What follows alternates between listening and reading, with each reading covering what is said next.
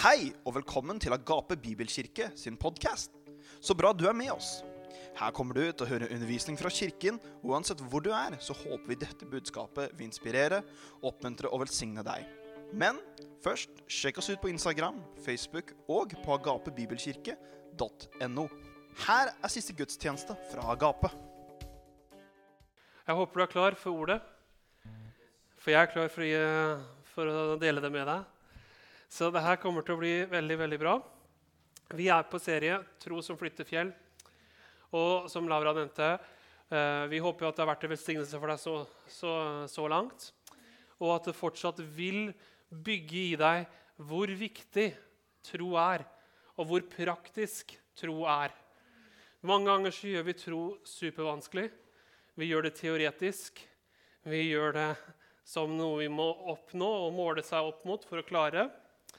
Men tro er faktisk praktisk. Det er ikke vanskelig. Det er noe alle kan gjøre. Det er ikke noe du og jeg må fortjene. Det er noe du og jeg har fått pga. det Jesus gjorde. Så tro eh, I Romerne 10, 17 så står det at troen kommer av det en hører, og det en hører, kommer ved Guds ord. No, spørs hvilken oversettelse du har. Noen oversettelser sier Kristi ord. Men det er det samme. Du vet at tro kommer av Guds ord i våre liv. Og du vet, Vi kan si det på sånne måter. Og tro er hva da? En Begynner på R. R. Tro er R. Respons på Guds vilje. Vi kan til og med si det sånn bare naturlig sett så responderer du og jeg hver eneste dag på ulike ting.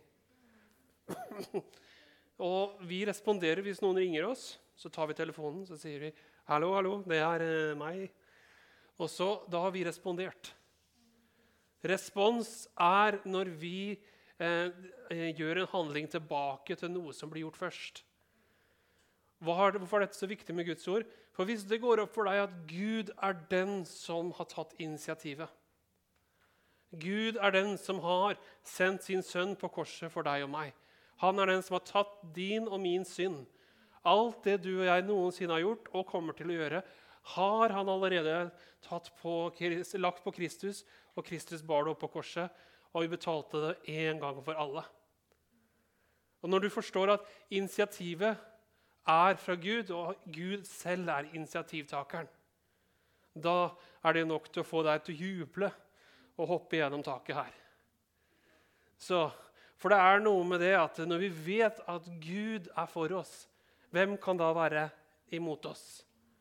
Han som ikke sparte sin egen sønn, men ga han for oss alle. Hvordan skulle han kunne gjøre noe annet enn å gi oss alle ting med han? Så hva betyr egentlig det versene fra romerbrevet? Det betyr at hvis Gud har gitt deg sønnen, så har han ikke noe større å gi. Mange ganger så tenker vi, når vi ber og søker Gud, så tenker vi «Å Gud, om du har lyst til å gi meg det her. Men det er så stort. Hør, han har gitt deg Jesus. Det er ikke noe større Gud kan gi deg enn sin sønn. Hvordan skal han kunne eh, holde noe annet tilbake, står det, når han har gitt oss alle ting med han? Det er fantastisk gode nyheter. Og det er veldig godt for deg å vite når du står i en situasjon og en krise, og det er vanskelig kanskje for deg å respondere til de riktige tingene. Så vet du det. Gud vil ikke holde noe tilbake fra meg. Gud er mer interessert at du kommer ut i frihet enn det du er. Tygg litt på den. Hvis du tenker på de områdene i dag du sliter i ditt liv Det er ikke noe særdeles koselig å tenke på på en søndagsmorgen. Jeg skjønner det. Men hvis du bare tar et lite øyeblikk nå, og så tenker du i ditt liv så har jeg det området som jeg har slitt med så lenge. Kanskje du har en avhengighet som du aldri har klart å komme fri fra. Du vet at du ikke burde gjøre det, men det bare klarer ikke å bryte ut av den sirkelen. Kanskje du går med tanker hele tiden og føler at du strekker aldri til. At du aldri er god nok. Og det hindrer deg ikke bare i hverdagen din, men det hindrer deg i å bare lyst til å, bygge familie. For hvordan kan noen elske meg? For jeg er ikke god nok. Så nei, men det er bra. vet du. Nå hører jeg meg på to steder. Nå får du det både foran og bak. Så, så Men det er noe med det at vi responderer hele tiden. Enten vi er bevisste eller ubevisste, så responderer du hver dag på noe. Kanskje du har respondert på negative ting.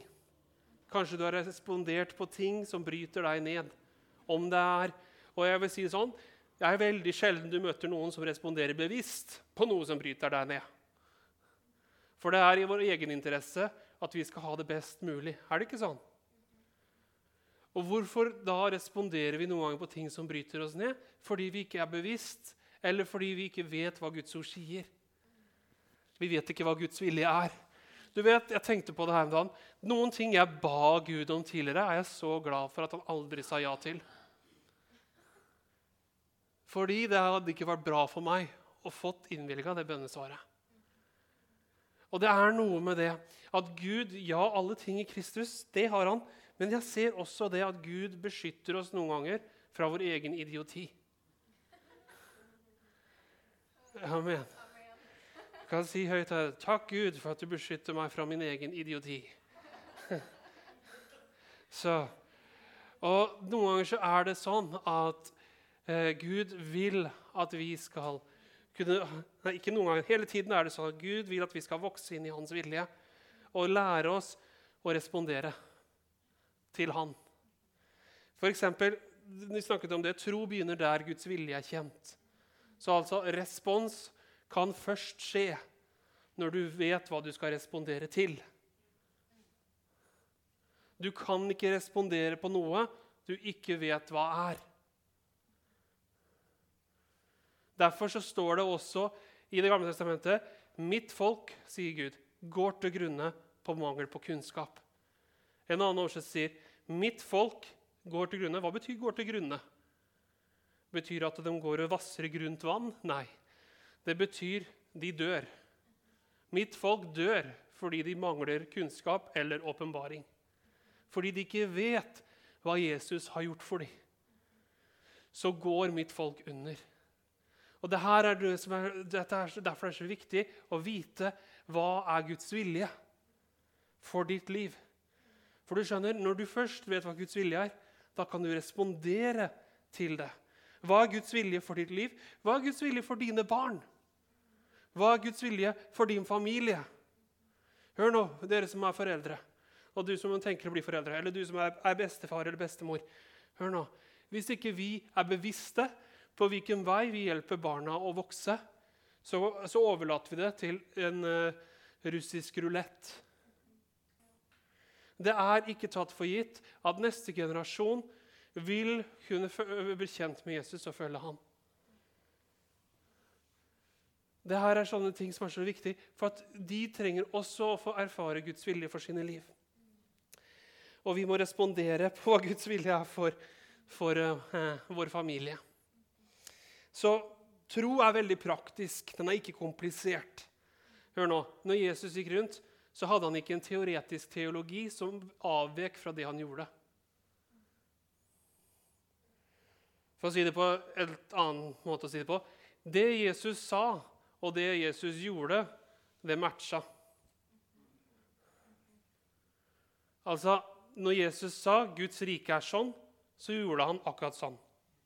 Så derfor, Dette er veldig, veldig interessant. Når vi ser når Jesus går rundt og gjør ting, så for så står det at han helbredet alle de syke.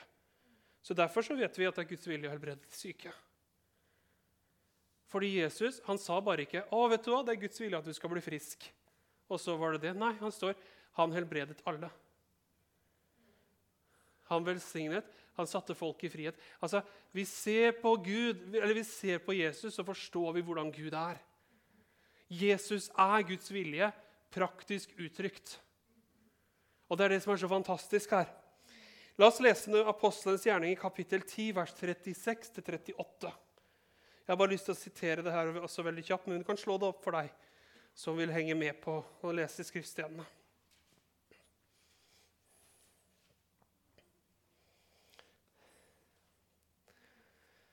Så Her er det Peter som sier at uh, ordet Gud sendte til Israels barn for å forkynne fred ved Jesus Kristus, han er alles herre.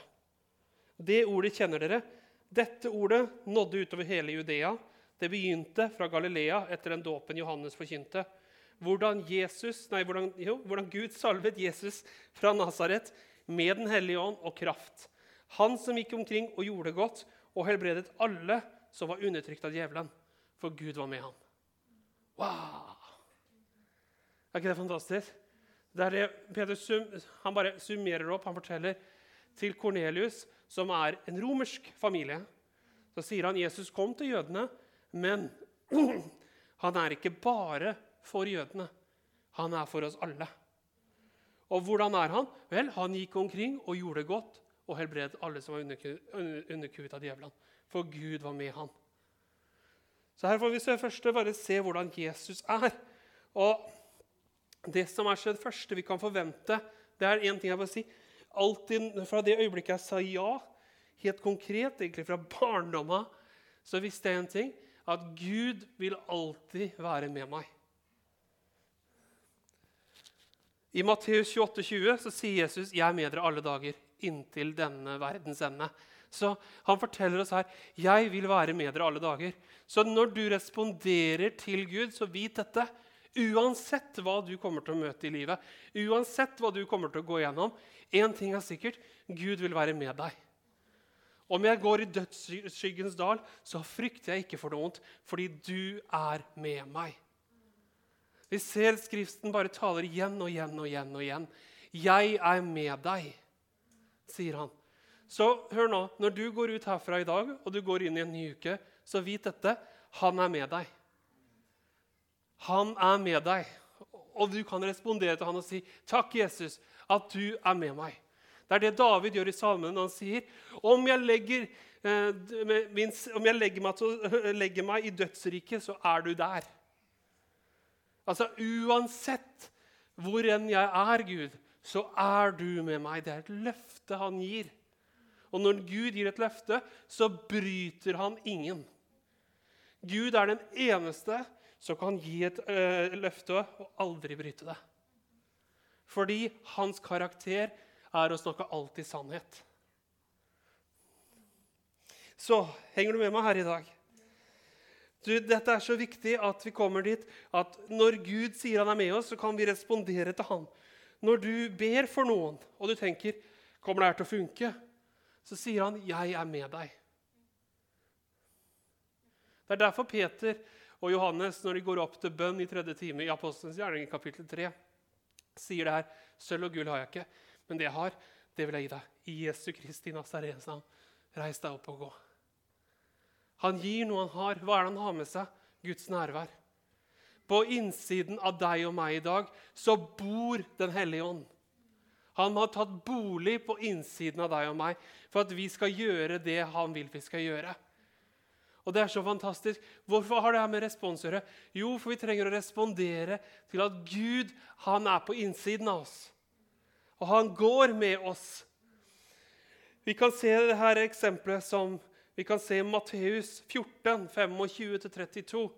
Så står det eh, skal, Jeg kan bare lese nå, så skal vi slå opp i det andre. Men du kan notere Matteus 14, 25-32. Men i den fjerde nattevakt kom Jesus til dem gående på sjøen. Da disiplene så han komme gående på sjøen, ble de forskrekket og skrek av redsel. 'Det er et spøkelse!' Men straks talte Jesus dem og sa, 'Vær ved godt mot. Det er meg. Vær ikke redde.' Eh, Peter svarte han, 'Herre, hvis det er deg, så be meg komme til deg på vannet.' Han sa, 'Kom.' Og Da Peter var kommet ut av båten, så gikk han bortover vannet for å komme til Jesus. Men da han så at vinden var så kraftig, ble han redd og begynte å synke og ropte, 'Herre, frels meg.' Straks rakte Jesus ut hånden og grep han og sa til han, 'Du lite troende, hvorfor tvilte du?' Og da de kom opp i båten, så stilnet vinden. Og dette er noe som er der, at når Peter skjønte at Jesus var den som kom gående til ham, så sa han, 'Herre, hvis det er deg, så si kom.' Be meg komme ut til deg på vannet. Og Jesus hadde jo egentlig ikke noe annet valg som jeg har sagt før, enn å si 'kom'. Og Peter gikk på vannet. Og så lenge Peter så på Jesus, så gikk Peter på vannet. I det øyeblikket han begynte å se på disse bølgene, se på omstendighetene rundt, så begynte han å synke.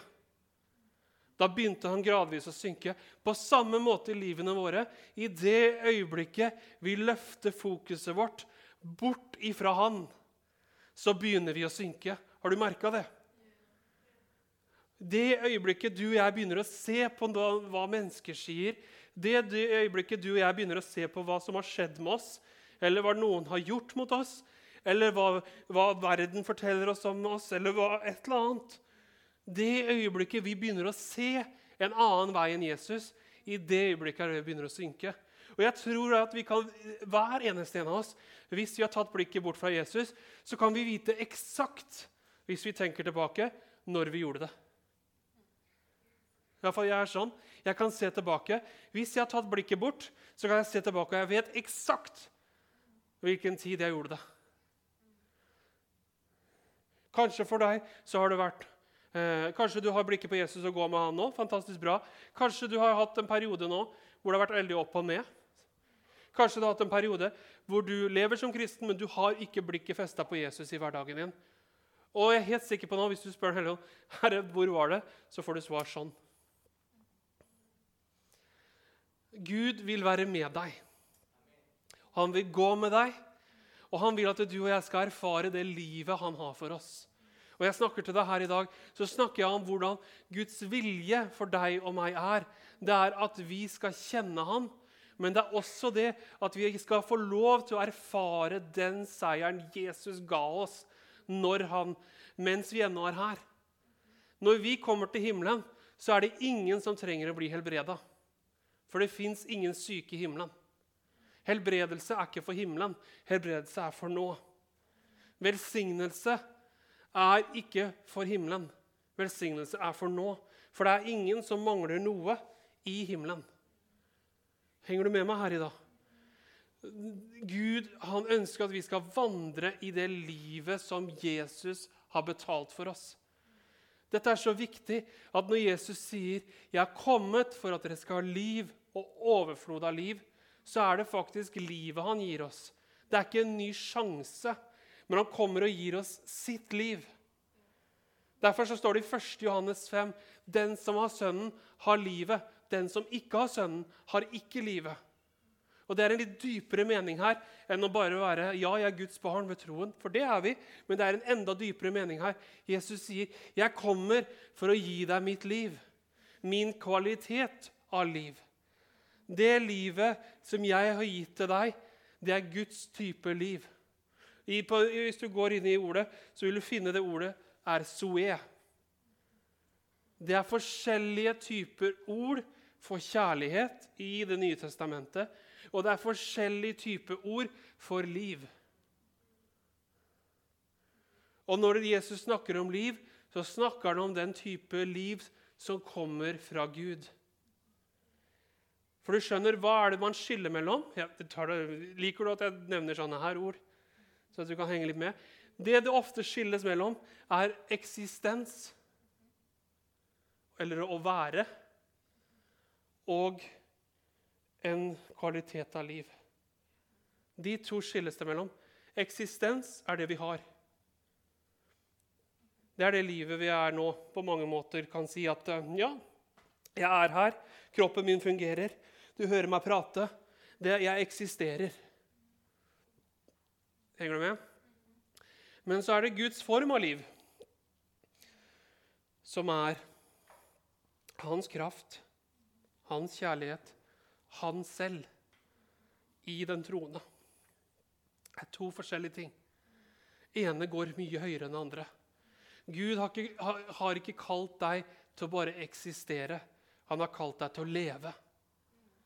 Han har ikke bare kalt deg til å overleve fra måned til måned. Han har ikke kalt deg bare å overleve den og den situasjonen og den og den bølga. Gud har kalt oss det står i Romerøvet, vi skal mer enn seire ved Han som elsket oss. Det er hva Gud har for oss. Det er hva Gud har for ditt liv. Nå skjønner jeg at dette er en kanskje revolusjonerende ny tanke for deg. For at erfaringen din sier ikke at du har mer enn seier. Henger du med meg her i dag? Men dette er noe som Guds ånd vil vise deg og meg. Og Jeg sier, jeg er også underveis, men jeg ser desto, desto mer og mer jeg ser av disse tingene her, desto mer sånn går livet. Og når jeg responderer på det livet Jesus har gitt meg, desto mer av det erfarer jeg i livet mitt. Det er en type form av liv som kommer ut fra hvem Jesus Kristus er. Og han har gitt det til hvem?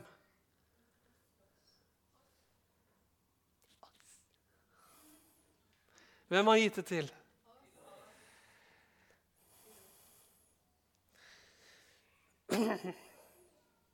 Til hvem?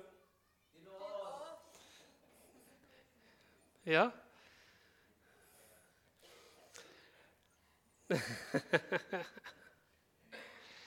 Du vet Og hvorfor sier jeg det her?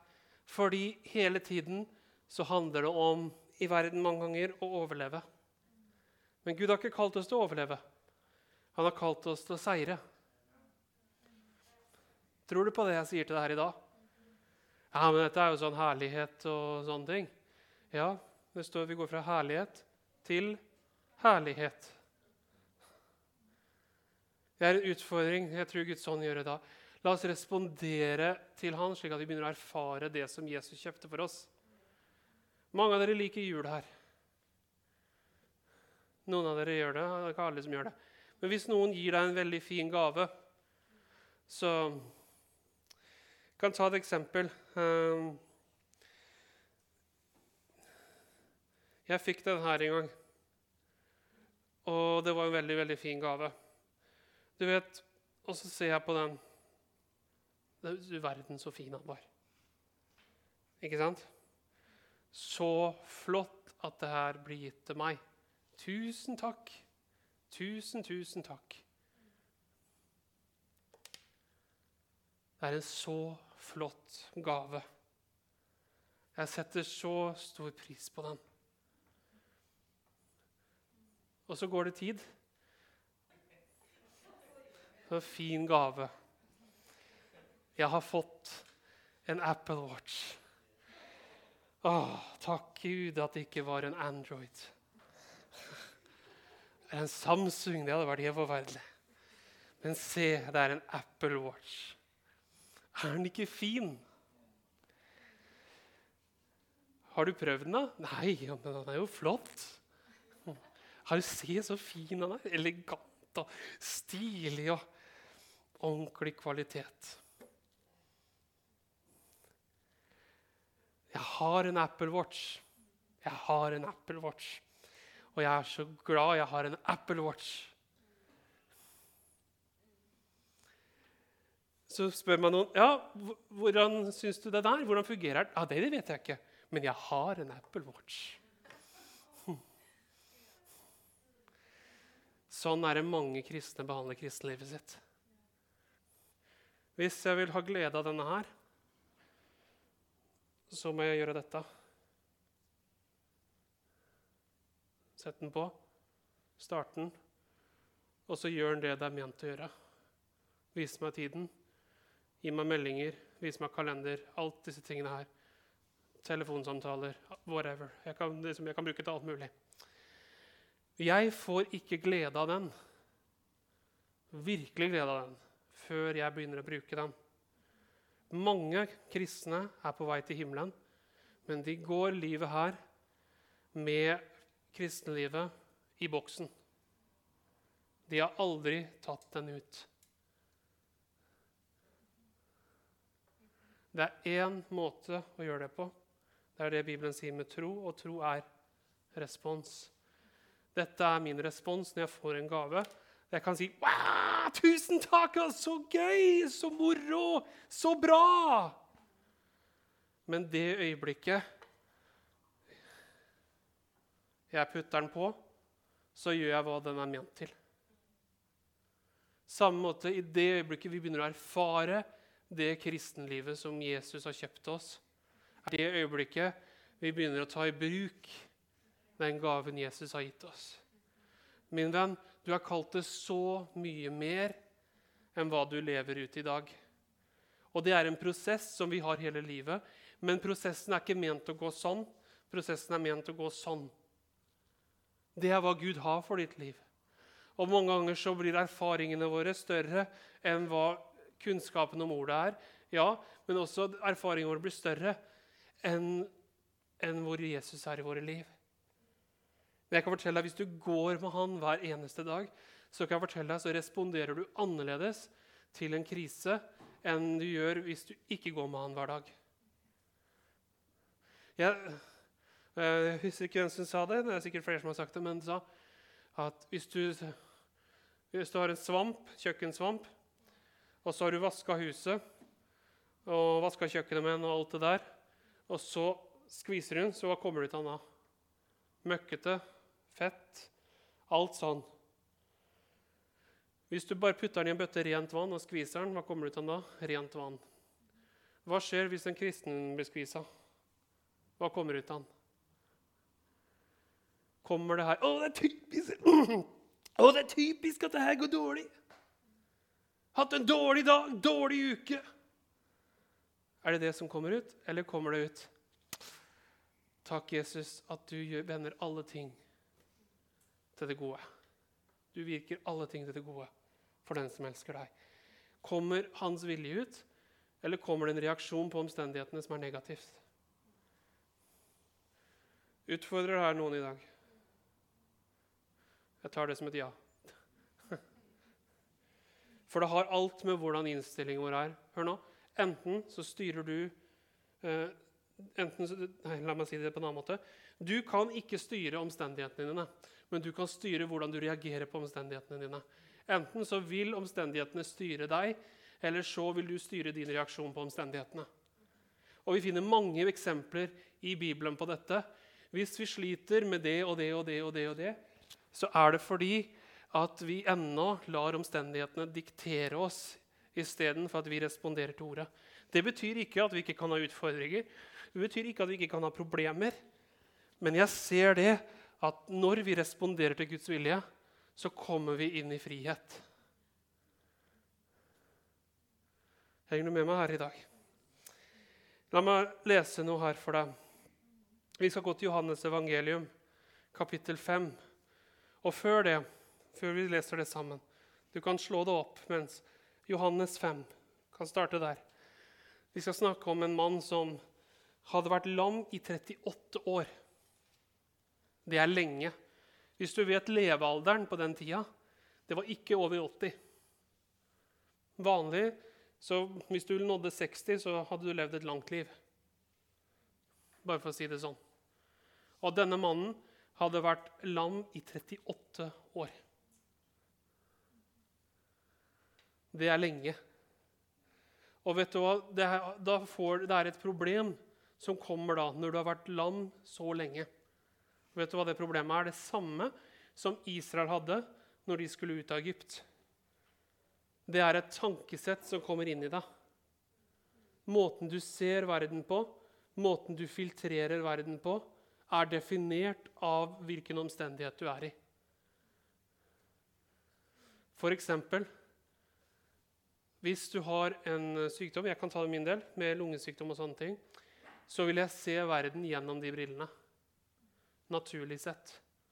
Når jeg møter andre som sliter med den diagnosen, som ikke har fått høre hva Guds vilje for dem er, hvor de er, og hvordan jeg ser livet, er to vidt forskjellige realiteter. Det er fullstendig natt og dag. Det er fullstendig med håp, og det er fullstendig uten håp.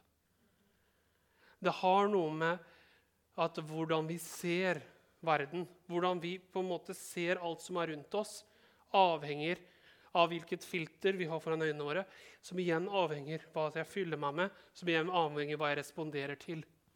Vi henger sammen sånn som mennesker. Vi kan respondere til noe hva folk sa over oss. Jeg husker når jeg gikk på skolen, så husker jeg det var lærere. Det var to lærere som var vanvittig bra for meg. Som uttrykte tro og støtte på meg når jeg var på skolen. Og de husker jeg ennå. Kjempe. En av dem er rektor på ungdomsskolen i dag. Han, var, han, var, han var helt rett mann på det. Han uttrykte tro på meg når jeg var i en sesong av livet hvor folk mobba meg pga. troa mi. Hvor folk og lærerne var med på det. Og det forteller meg en ting. Når jeg gikk på barneskolen, hadde en lærer fra 5. til 7. klasse. Han gjorde så mye skade for meg. Han fortalte eh, negative ting.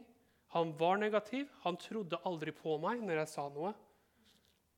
Og han var, han var en som var med og mobba elever. Jeg håper han ikke jobber der i dag pga. hva barn møter. Men det forteller meg hvor negativ eh, negativitet kan bli sådd inn i unge. Og det tok år, altså. Når jeg kom på ungdomsskolen, så var jeg brent av å komme ut av barneskolen. Og det var ikke elevene som var verst, det var læreren. Og det forteller meg så mye hvor viktig ord er. Og den læreren der betydde masse for meg som kom på ungdomsskolen. og hvordan han hjalp meg, ja. Men så var det også oppi det her hvordan Gud helbreda meg fra det. Jeg kunne den dagen bestemt meg å bli et offer. Fordi den læreren Den her faller av hele tida i dag. Samarbeider ikke. Så tro er samarbeid, vet du. Den der. Men altså, den, altså Læreren kunne uten Jeg tror ikke han hadde en ondskapsfull intensjon. Han var bare en dårlig lærer. Ikke alle som er lærere, burde, bli, burde være lærere. Og derfor så han, han la noe ned i mitt liv som var forferdelig vondt. Og jeg måtte komme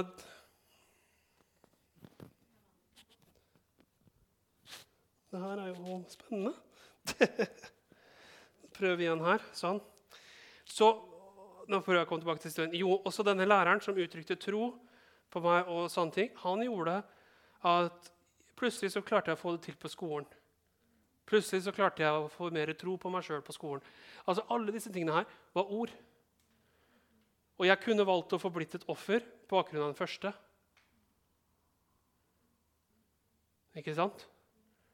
Og for mange av oss har ikke hatt folk i livene våre som sa noe de ikke burde sagt, som gjorde noe de ikke burde gjøre. Og jeg, bare for å si det med læreren, jeg har tilgitt han og vedkommende. Når jeg sier han er en dårlig lærer, så er ikke det for at jeg er sur på han, det er bare fakta. For han var ikke noe flink. Og det er mange mange i ettertid som har vært skada av han. Så. Og Derfor så er det så viktig at vi responderer til hva som er riktig, ikke hva folk sier til oss. For at jeg kunne fått et par med briller på meg som begynte å se livet som jeg er ikke god nok. Jeg kommer aldri til å lykkes. Det kunne jeg fått på meg den gangen.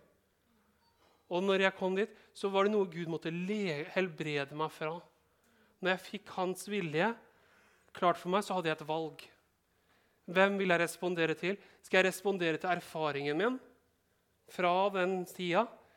Eller skal jeg respondere til det Gud sier om meg nå? Når jeg valgte å respondere til Gud sier om meg nå, så falt den løgnen. Hvilke løgner har blitt sagt over ditt liv? Kanskje noen sa til deg du er ikke god nok. Du klarer ikke dette her. Det her ligger ikke for deg. Har du hørt noen sagt sånne ting til deg før? Så Eller noen som sier 'du vil aldri klare dette'. Kanskje noen skuffet deg. Kanskje noen såret deg. Du hadde satsa penger, energi, tid, alt i deg for å lykkes mot en mål, og så kommer noen og sier 'Dette kommer aldri du til å klare'. Hvis noen har sagt det over deg, og du har tatt imot det, så har du tatt imot en løgn. Det er én som har rett til å definere ditt liv. Det er Jesus Kristus. Og hvis han har gitt deg noe å gjøre, så gjør det.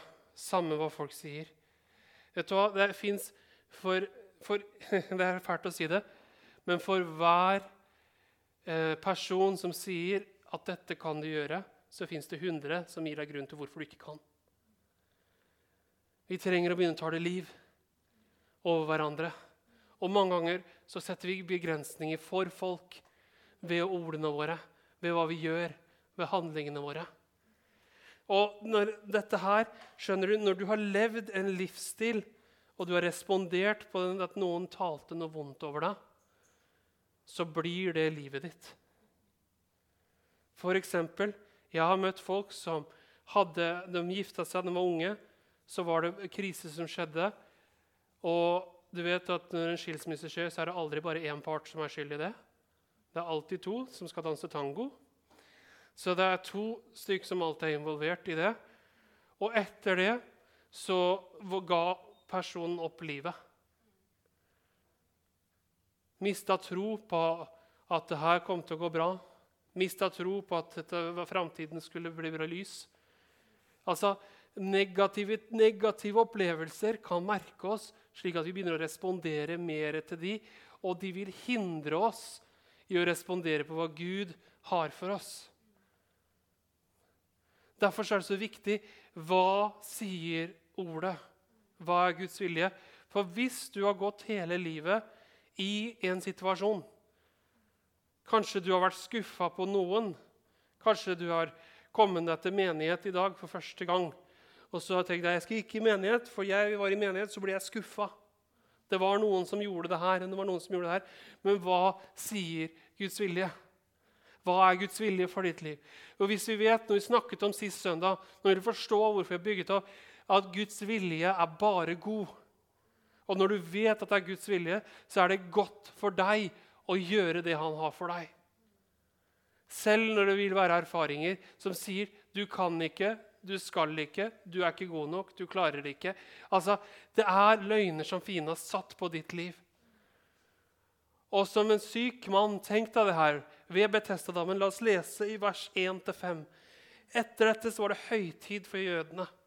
Og Jesus dro opp til Jerusalem, og i Jerusalem så er det en dam like ved saueporten, som på hebraisk kalles Betesta og som har fem søyleganger. I disse lå en stor mengde syke mennesker, blinde, lamme og uføre, som ventet på at vannet skulle bli rørt opp. En engel steg nemlig ned i dammen til visse tider og rørte opp vannet. Den som var, kom først uti etter at vannet var opprørt, ble frisk uansett hvilken sykdom han led av. Og det var en mann der som hadde sykdom i 38 år. Så denne mannen har vært der i 38 år. Sannsynligvis kanskje han har vært der lengst av alle. Hvis du tenker på levealderen jeg snakker om her, så vil det si at si hvis han, han kom dit kanskje i ung alder og har ligget der siden og hele tiden prøvd Og hvis du vet at du skal ut i en dam, og når du er lam og du ikke kan gå, og så skal du komme deg først ut i en vanndam Du har jo ikke sjans med mindre noen bærer deg. Og han hadde holdt på i år etter år etter år. Kanskje når han starta Ja, dette skal gå bra. Og så gikk årene, for hver gang han ikke nådde først uti, så ble han skuffa. Kanskje han fikk noen til å bære han uti, men de rakk ikke først uti. Og så igjen og igjen og igjen og igjen og igjen og igjen og igjen. Han prøvde i seg sjøl alt han kunne for å bli frisk. Han prøvde i alt han kunne for å bli hel. Kanskje du har vært som denne mannen, sittet ved dammen i mange år, og du har virkelig prøvd. Du har virkelig prøvd å bli fri. Du har virkelig prøvd å komme ut av avhengigheten du sliter med. Du har virkelig prøvd å slippe menneskefrykt. Du har virkelig prøvd å komme ut av angst. Du har virkelig prøvd å bli frisk. Men det bare går ikke. Og til slutt så kommer du til et punkt Ja, jeg tror på Jesus, jeg kommer til himmelen, men jeg orker ikke mer. Og du bare resignerer der du er. Jeg vil at vi skal se et klipp. Det er fra en serie som jeg og Laura er veldig glad i, og det er The Chosen. Og vi skal lese Det er dessverre bare på engelsk.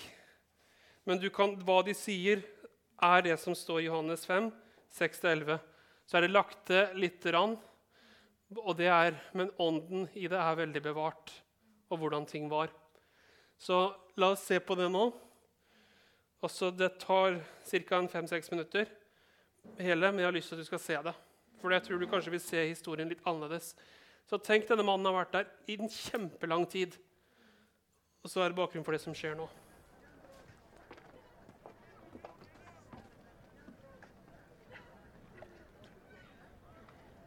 This is what all the fuss is about. An oversized mikveh. I have a feeling we haven't seen it all yet.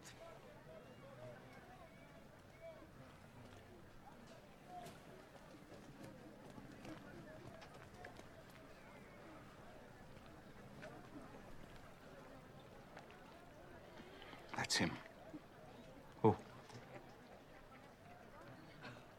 Him. The one who's been here the longest.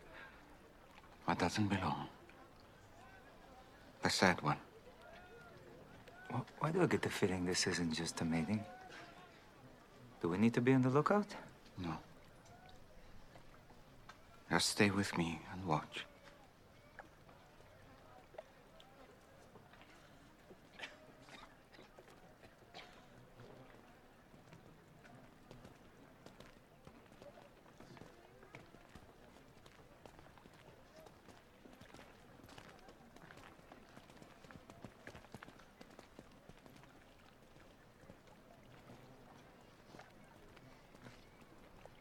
Shalom.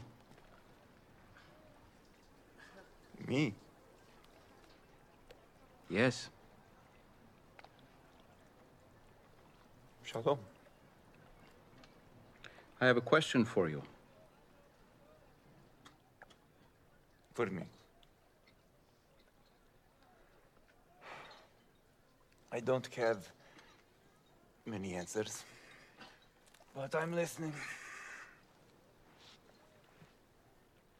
Do you want to be healed?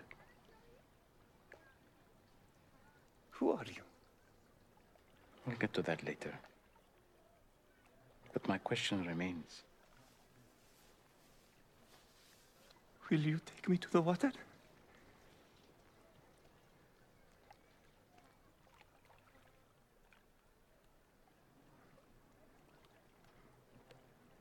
Look, I'm having a really bad day. You've been having a bad day for a long time.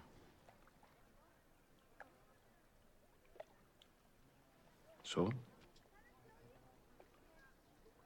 Sir, I have no one to help me into the water when it's stirred up. And when I do get close, the others step down in front of me. And so, Look at me. Look at me. That's not what I asked. I'm not asking you about who's helping you, or who's not helping, or who's getting in your way.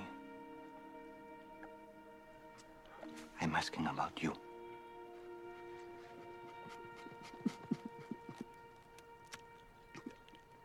I've tried. For a long time, I know. And you don't want false hope again, I understand. But this pool, it has nothing for you. It means nothing. And you know it. But you're still here. Why?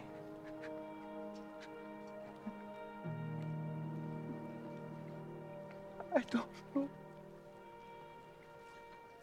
Need this pool.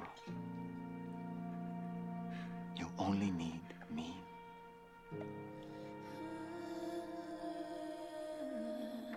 So, do you want to be healed?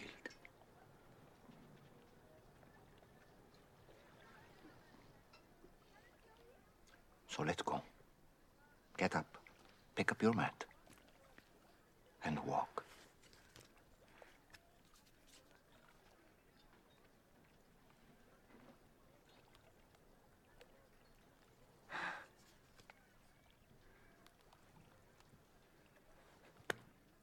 Mm-hmm.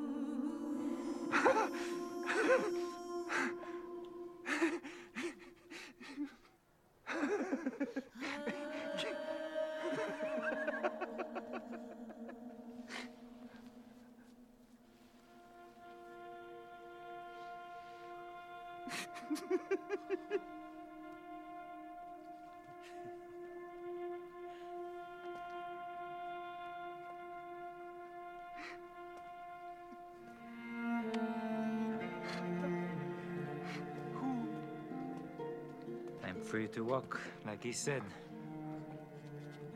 Don't forget your bed.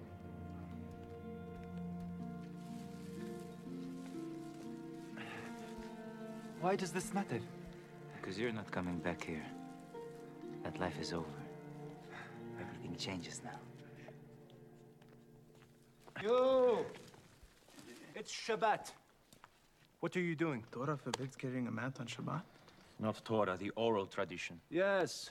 Transporting objects from one domain to another violates Shabbat. The man who healed you. Do you me. not realize what just happened here? Why are you trying to make this about Shabbat? He said to me, take up your bed and walk. Who did? Who told you that? He did. I, I don't know. He didn't tell me his name. No. Of course not. He performs a magic trick and tells you to commit a sin. A false prophet. This will be reported. Report whatever you want. I'm standing on two legs. I'm sorry. I, I need to go find my brother.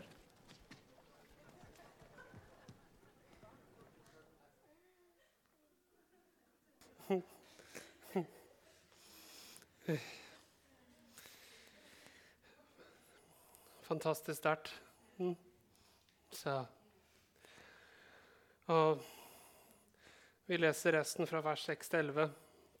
Så er det det som vi ser dramatisert her. Og du vet, han hadde venta så lenge på å komme ut i vannet, han. Så skal vi se Kan du skru på spotten, Lara? Sorry. Ja, supert. Og og han hadde venta så lenge på at noen skulle ta han ut i vannet. Og så tenker jeg Jesus, skal du hjelpe meg ut i vannet? Endelig skal jeg komme uti der. Så bare Jesus nei. Du skal ikke ut i vannet. Du trenger ikke denne dammen, du trenger ikke noe annet. Du trenger bare meg. Så, Og samme er med oss. Vi trenger ikke at det skjer på den måten eller den måten. Vi trenger bare Han. Kanskje vi venta at Gud skulle gjøre ting på en spesiell måte. Men vi trenger bare Han. Og du vet Når du har vært her så lenge, så kan vi ha håp, og vi kan se for oss ting, hvordan ting skal skje. Men det jeg legger merke til i Nytestamentet, Jesus helbreder aldri på den samme måten flere nye. Det er ganske interessant. Han gjør noe nytt hver gang. Hver situasjon er unik. Så hva han vil gjøre i ditt liv, er unikt. Og det han kommer til å gjøre for deg, det er unikt. Og han gjør det fordi han elsker deg. Så det, Jeg bare har lyst til å ta litt utgangspunkt fra klippet her. Han sier det at eh, Jesus sier til ham, 'Jeg spør deg ikke hvem som hjelper deg.' 'Jeg spør deg heller ikke eh, hva du har gjort.' Eller jeg spør deg heller ikke hva, hvem som kommer i veien for deg, og hva folk har gjort eller ikke gjort for deg. Men det jeg spør, er deg. Hva gjør du nå? Hvem responderer du til? Og det som er så der, Hvis du legger merke til så ser han på vannet en gang til. Og så snur han seg tilbake og så ser han på Jesus. Og på samme måte, Mange ganger kan vi friste at vi ser på noe annet. Altså, men, men, men hva med det der? Det her var jo sånn det skulle fungere. Det var jo sånn som jeg skulle få det her. Så sier Jesus, det her gjør ingenting for deg. Du trenger bare meg. Så I dag så er det akkurat som vi kan høre Jesus spørre det er vil du bli fri.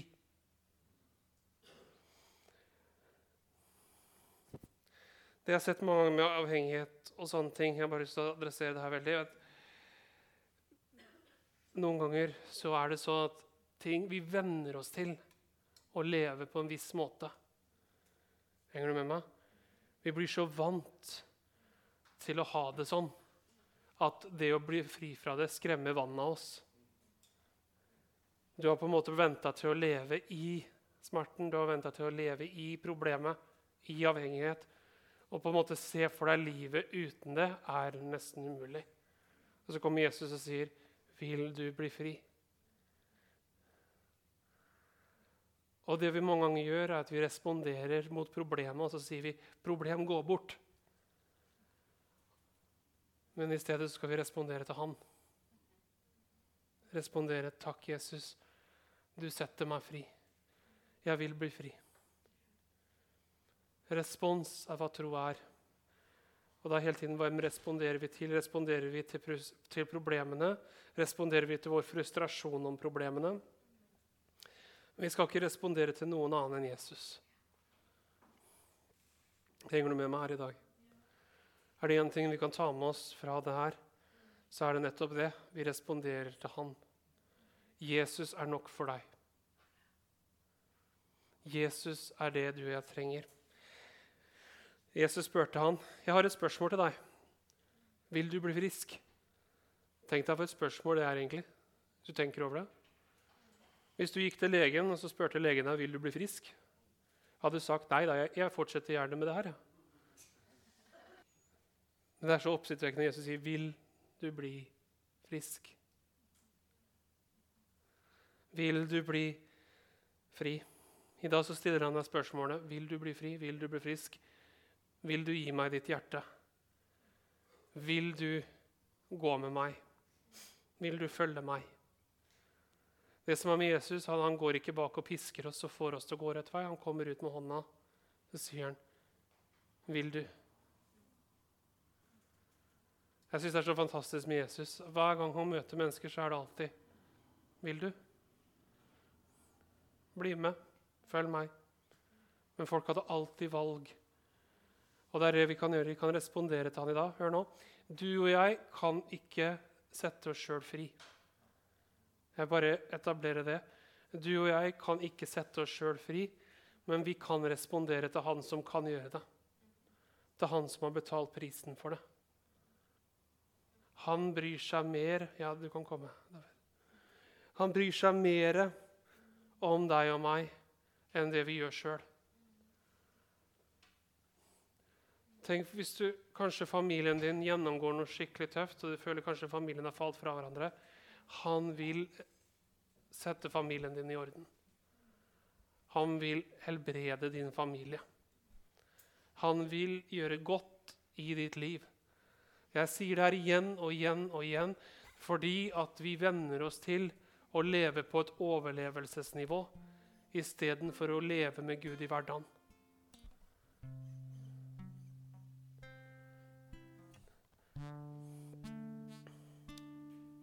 Du vet, når vi ber for hverandre Jeg kan ikke, jeg kan ikke forandre ditt liv. Jeg kan ikke helbrede deg, jeg kan ikke gjøre disse tingene. Men Jesu navn har kraft til å gjøre det. Så når du venner deg til noen, så venn deg til Han. Hvis du går til mennesker, så vil mennesker ikke kunne hjelpe deg med disse tingene. Det er bare én som kan gjøre det. Det er kun ett navn vi kan bli frelst ved, og det er navnet Jesus. Gud vil at du skal forlate avhengigheten, frykten, sykdommen, depresjonen, fattigdommen, mørket, hva det nå enn har vært. Så kan du sette stopper hit og ikke lenger. Fra i dag så er det en ny tid i mitt liv. Det er en ny tid i min familie. Snakka med Laura vi har snakket om det, hvor viktig når evangeliet kommer inn, er at vi ser at det er en ny begynnelse. Det gamle er forbi, alt har blitt nytt. At det mørket som var før, det er nå blitt erstattet med lys. Og sånn er det i ditt liv. Kanskje du har gjort noen ting som gjør at jeg fortjener det ikke fordi jeg har gjort sånn. Vel, Ta imot tilgivelse. Responder på at han har tilgitt deg. Istedenfor å klynke deg sammen og si 'Å, Gud, vær så snill, tilgi meg'. Og mange ganger så gjør vi det for å føle oss bedre. Isteden, men hør nå, så lenge vi gjør det, så vil vi føle oss bedre mens vi gjør det. Og litt til, og så er det borte. Og så må vi gjøre det igjen. Vet du hva som fungerer? Vet du hvordan du blir kvitt den følelsen av å hele tiden å, lengte for tilgivelse? det er å begynne å si takk, Jesus, at du har tilgitt meg. Takk at jeg er tilgitt. Det gamle forbi. Alt har blitt nytt. Du erstatter det gamle med noe nytt. Du erstatter en virkelighet hvor du har tenkt at du er skyldig, til at du begynner å tenke at du er tilgitt. Det betyr ikke at det, det vi gjorde, var greit. Nei, men det betyr at det er tilgitt. Det er betalt for. Det er ferdig med det. Gud er ferdig med det. Han ser deg tilgitt. Hvordan ser du deg sjøl? Hvordan responderer du? Bibelen snakker ikke om at vi skal be. Faktisk I Nytestamentet, i, i brevene, så sier ikke Paulus at vi skal be om tilgivelse. Han sier at vi skal tro på at han har tilgitt oss. Hvis jeg setter det virkelig sånn på spisen her. Vi må tro på det Gud sier om oss. Vi responderer til det han sier om oss. Ikke hva vi føler om noe. Tusen takk for at du var med oss i dag. Vi vil gjerne høre fra deg og vite hvordan vi kan be for deg. Ta kontakt med oss enten via sosiale medier eller på nettsidene våre, så håper vi at vi ses ganske snart.